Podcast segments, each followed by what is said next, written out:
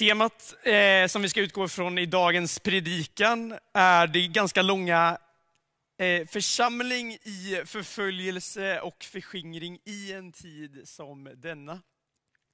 Det är ganska långt och ganska oklart egentligen vad, vad är det egentligen vi ska prata om idag. Eh, men min förhoppning är att det ska få bli lite tydligare och att det kanske ska få landa hos dig den här stunden efter den här predikan, att det ska få landa hos dig. Eh, och vi ska börja med att gå till en bibeltext som säger någonting i detta. Men innan vi läser den så ska du få en liten kontext till denna. Jesus har i tre år gått runt i Israel. Han har predikat om Guds rike. Han har utvalt lärjungar som han investerat sin tid och tränat. Efter tre år så har han dött på, dör han på ett kors i, utanför Jerusalem för att tre dagar senare uppstå. Och efter att han har uppstått så är han 40 dagar tillsammans med sina lärjungar innan han far upp till himlen. Det som blir högtiden Kristi himmelfärdsdag som kommer längre fram i, i år, som alla andra år. Och tio dagar efter Jesus har lämnat sina lärjungar, de apostlarna, de första lärjungarna, de som varit med från allt, ända från början, är de samlade i Jerusalem under den judiska högtiden Shavuot, som, de, som judiska folket firar till minne att de fick ta emot förbundets tavlor i Sinaöken. Nu faller den helige ande över dem och 3000 personer kommer till tro. Och den första kristna församlingen i historien bildas.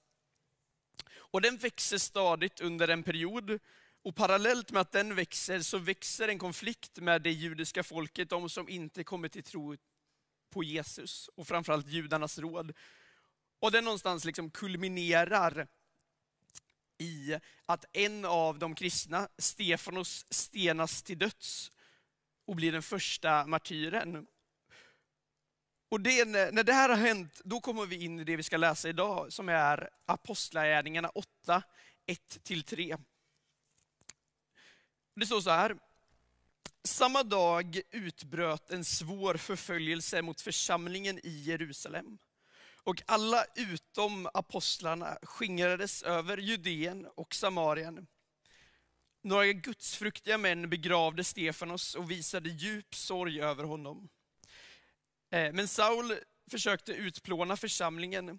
Han gick in i hus efter hus och släpade ut både män och kvinnor och satte dem i fängelse. Det vi läser om i den här texten, det är att församlingen i Jerusalem skingras för att de möter förföljelse. Och Det finns mycket man skulle kunna säga om den här berättelsen, det som händer här. Men jag skulle vilja ge dig några nycklar för att förstå där. Och den vi ska börja med att titta på, är någonting jag tror är lätt att missa, någonting som, men som är så viktigt att förstå om vi ska förstå vad det handlar om. Det är nämligen så att fram till det här ögonblicket i historien så är den kristna församlingen, de som har fått ta emot budskapet om Jesus, ett Jerusalem-fenomen. Och det är något som är lätt att missa. Att innan detta så finns det inga liksom kristna någon annanstans än i den geografiska staden Jerusalem. Och det är inte alls vad Jesus tänkt för sin församling, för vi ska läsa ett bibelord till och det hittar vi i Apostlagärningarna 1 och 8.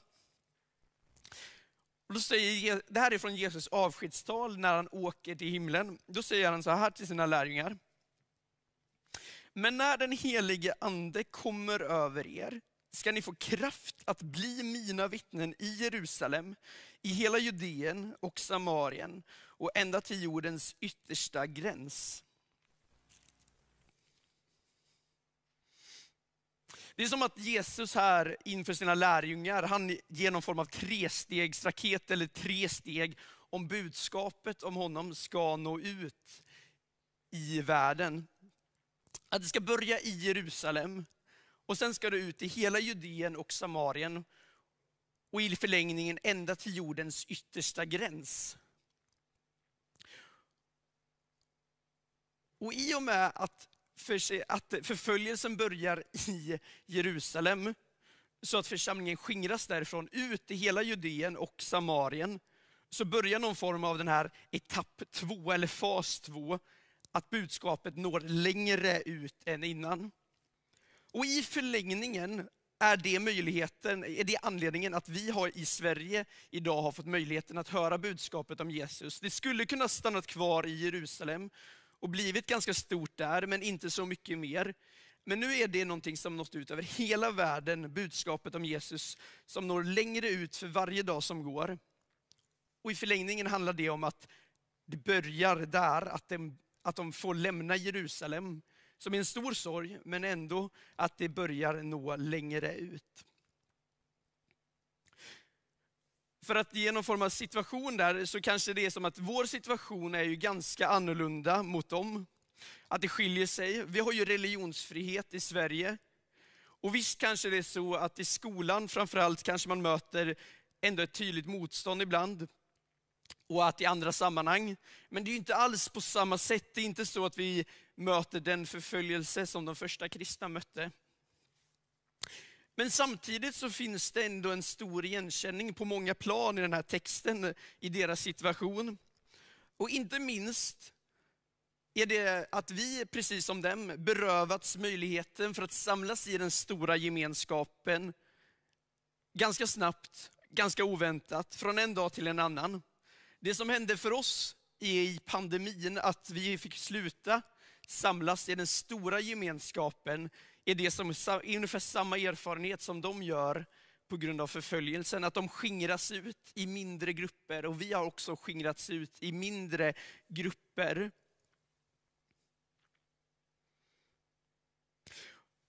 En annan grej som förföljelsen påminner hos oss, som borde i alla fall vara det den påminner oss om, är att om man vill följa Jesus så kostar det någonting. Och Det är ganska tydligt vad det handlar om för den första församlingen. Att de har ju bilden av att dels att det, jag tänk dig själv att de har sett en av sina älskade bröder i tron bli stenad, liksom få sätta livet till för att han tror. Och sen också att de hör det här ryktet som sprider sig, att nu går de ut och fångar alla kristna och sätter dem i fängelse. Det är ganska tydligt att det finns ett högt pris att betala för dem. Men det är inte bara så att de har ett pris att betala, utan det verkar vara så att i alla tider, på alla platser, så finns det någonting att betala. Men det kan se olika ut i olika tider och på olika platser. Och frågan är, vad är det som det kostar oss om vi vill följa Jesus? Handlar det om vår tid, handlar det om våra pengar eller är det någonting ännu mer det kostar? En till grej som någonstans utmanas eller fångas upp i den här texten, det handlar om någon form av äkthet. Hur är tron på riktigt? Alltså tänk dig själv att gå från den stora gemenskapen i Jerusalem med mer än 3000 personer, där man tillsammans kan ge energi och bränsle till varandras tro, uppmuntra varandra, se varandra, trösta, sörja med varandra, glädjas, dela livet tillsammans på ett helt annat sätt. Och sen att det sprids ifrån. Den erfarenheten delar vi också, att liksom inte från att kunna samlas här fysiskt, och sen inte kunna göra det och bli berövade på att kunna be tillsammans. Ja, men se, jag, fysiskt se, det är inte bara jag som tror, utan vi är fler. Och som inte det var nog, så tänk dig då de i första församlingen i Jerusalem. De hade apostlarna där som de kunde fråga. Alltså de som varit med Jesus från början, sett alla under och tecken, hört alla hans det vi kan läsa om, alltså all hans undervisning, alla hans liknelser, fått den till och med förklarat ännu bättre än vad... Alltså de har ju fått, det är en sån fantastisk grej, tänker jag, att få vara där och sen bli berövad av det. Och de skingras ut och någonstans går det från att de kanske man har det bekvämt och är en i mängden till att det, någonstans så blir det ett tydligt ansvar. Om budskapet om Jesus ska nå vidare, då ligger det liksom på dem. Att det är de som bär ansvaret. Man skulle kunna sammanfatta utmaningen de ställs inför, är, tangerar ju det Ida-Maria var inne på i sin predikan förra veckan. Där hon sa att vår kallelse är inte att gå till kyrkan, utan att leva kyrka, att vara kyrka.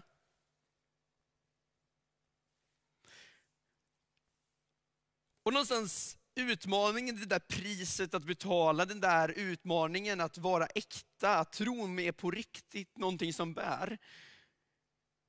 Det tror jag att, det handl- att följa Jesus, det handlar om att offra lite av det snabba. Låt mig få utveckla det en liten stund för dig. Det som i vår tid, vårt samhälle, den kultur vi lever i, är det som premieras, är det snabba, det som, eh, du vet, det som ger tillfredsställelse direkt i stunden. Men det som aldrig någonsin stannar kvar. Det räcker med att gå, för att hitta ett exempel, gå till mitt eget liv. Att jag, går, jag köper nya böcker eller sköna tekniska prylar som jag kanske egentligen inte behöver. För att det ger ju någonstans en tillfredsställelse för en stund. Men samtidigt så räcker det bara att kolla nästa månad för då köper man ju någonting nytt. För att det bestod inte det det gav. Liksom. Det ger någonting för stunden men det håller inte i längden. Och det är frågan, om vi vill följa Jesus, är det så att Gud skulle vara ute efter att lura oss, göra någon så här bluff? Att det kostar en massa, men vi får ingenting tillbaka. Att han liksom lurar oss på riktigt. Nej men jag tror inte det är så. Jag är övertygad om att Gud vill ge oss någonting ännu bättre. Att Gud vill ge oss sann tillfredsställelse på djupet som består. Men där utmaningen är att det kommer mycket mer långsamt än det vi andra vi kan få. Att det ena som ger snabb och direkt tillfredsställelse så är Guds väg någonting helt annat. Något mycket mer långsamt. Att leva kyrka, att leva nära Guds hjärta, det tror jag är en väg till att få någonting som ger tillfredsställelse på djupet. Men att det tar längre tid. Men jag skulle inte vilja stanna där. Jag tror att Guds erbjudande till dig och mig är ännu bättre än så. Om vi läser igen det vi läste innan i Apostlagärningarna 1.8. Så säger Jesus i sitt avskedstal att men när den helige ande kommer över er så ska ni få kraft att bli mina vittnen. Och sen står det i Jerusalem och hela det vidare, alla platser det ska ske på. Men Gud vill ge oss sin helige ande. Och vad innebär det? Ja, men det handlar dels om att vi inte behöver gå i vår egen kraft, att vi ska göra som så mycket annat i samhället, in i någon form av prestation, leverera 100% på topp hela tiden. Nej, Guds erbjudande handlar om att vi får bjuda in honom och kanske ta ett steg tillbaka och vänta in vad han vill göra, få ta del av hans kraft genom den helige ande. Jag skulle vilja utveckla ännu mer vem den helige ande är och använda en bild som jag tycker kanske är en av de vackraste beskrivningarna av vem den helige ande är och vad den helige ande vill göra i ditt och mitt liv. Och det är den man kan hämta ifrån Johannes evangeliet.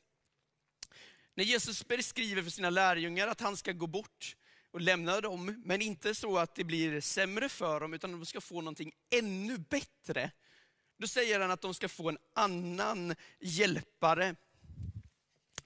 Det ord, om man tar det ordet som är används för hjälpare i texten, så är det det grekiska ordet parakletos. Det ser ut så här på grekiska, sen så här på svenska. Och det betyder ordagrant, man skulle översatts att den som kallats eller anropats mycket nära eller intill. Och det finns på den här tiden, om en båt, en mindre båt hamnade i problem ute på Medelhavet, så skickades ut en större båt eller skepp som kunde åka, åkte ut och la sig jämte den mindre båten. Så den eh, lilla båten kunde följa den, så den säkert tog sig i hamn. Och den större båten, det större skeppet, det kallades för Parakletos. Och jag har det som en tavla på mitt kontor för att bli påminn om att det är det den helige ande vill göra i våra liv. Att Gud vill komma nära oss. Att han vill komma in till oss och leda oss i hamn. Och det kanske är det så du känner i ditt liv, att det kanske stormar just nu, du har hamnat i problem, du funderar på hur tar jag mig i hamn genom den här perioden? Att det verkar ju inte vara som att pandemin går över i den takt vi hoppas på. Hur får vi ihop det? Då är Guds erbjudande till dig att han vill komma in till dig, någonting mycket större än dig, som du kan få ta tag i och som vill leda dig säkert i land.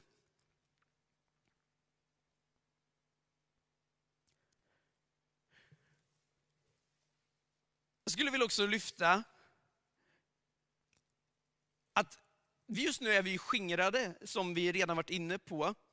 Och kanske mer än, mer än någonsin så upplever vi ensamhet. Vissa är mer hårt drabbade än andra. Och även om vi upplever att vi är ensamma så är inte det som det som är sant. Vi är inte ensamma. Och låt mig berätta för dig varför. Guds erbjudande till alla som tror på Jesus är den helige ande, hans personliga närvaro i våra liv. Och att även om vi känner oss ensamma så vill Gud bo, bo i dig och vara dig nära. Så att vi inte behöver vara ensamma. Och inte för att förringa känslan av ensamhet, utan mer ger dig, någon, ger dig ett hopp att du behöver inte vara ensam. Och den här perioden den kanske känns som ett nederlag, precis som för den första församlingen. Att vi har skingrats. Men det behöver inte vara så.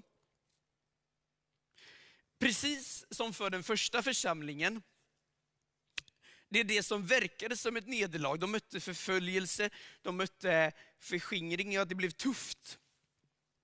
Så vändes det till någonting positivt, någon form av seger. För det ledde till att ännu fler fick höra budskapet om Jesus, ta emot den helige ande, hans närvaro, hans svar till oss. Och precis som det hände för dem i den tiden, så tror jag att det kan hända för oss i den här tiden också. Att det som just nu känns som ett nederlag, någonting tungt, kan få vändas till någonting positivt, någonting vackert. Att om vi söker Gud, att det kan leda till att resultatet blir att fler får höra buds, de fantastiska nyheterna om vem Jesus är, får ta emot den gemenskapen. Och just nu är vi utmanade och skingrade. Men vi är inte ensamma. För Gud är med oss. Vi ber. Att tack Jesus för att vi, trots att vi är skingrade i den här perioden, får eh, ja, men ändå ha möjlighet att kunna samlas digitalt som en form av gemenskap, men att det inte alls är samma sak som den fysiska. Men jag tackar dig för att även om det liksom inte är samma upplevelse att vi kan mötas fysiskt, så får vi ändå dela upplevelsen av att du är nära och att vi kan ha gemenskap för att vi alla fått din helige ande. Och jag bara ber för varje person som hör den här predikan, som finns med här, att de ska få eh, uppleva dig tydligt, att de inte ska känna sig ensamma utan få uppleva den gemenskap du erbjuder. Och bara ber att den här perioden som känns så tuff just nu, som ett nederlag, faktiskt kan få vändas till någonting positivt, någonting vackert. Och jag bara ber att det är det som ska få bli verklighet. Och bara tack för att du alltid är med oss och älskar oss. Vi ber så i ditt namn Jesus. Amen.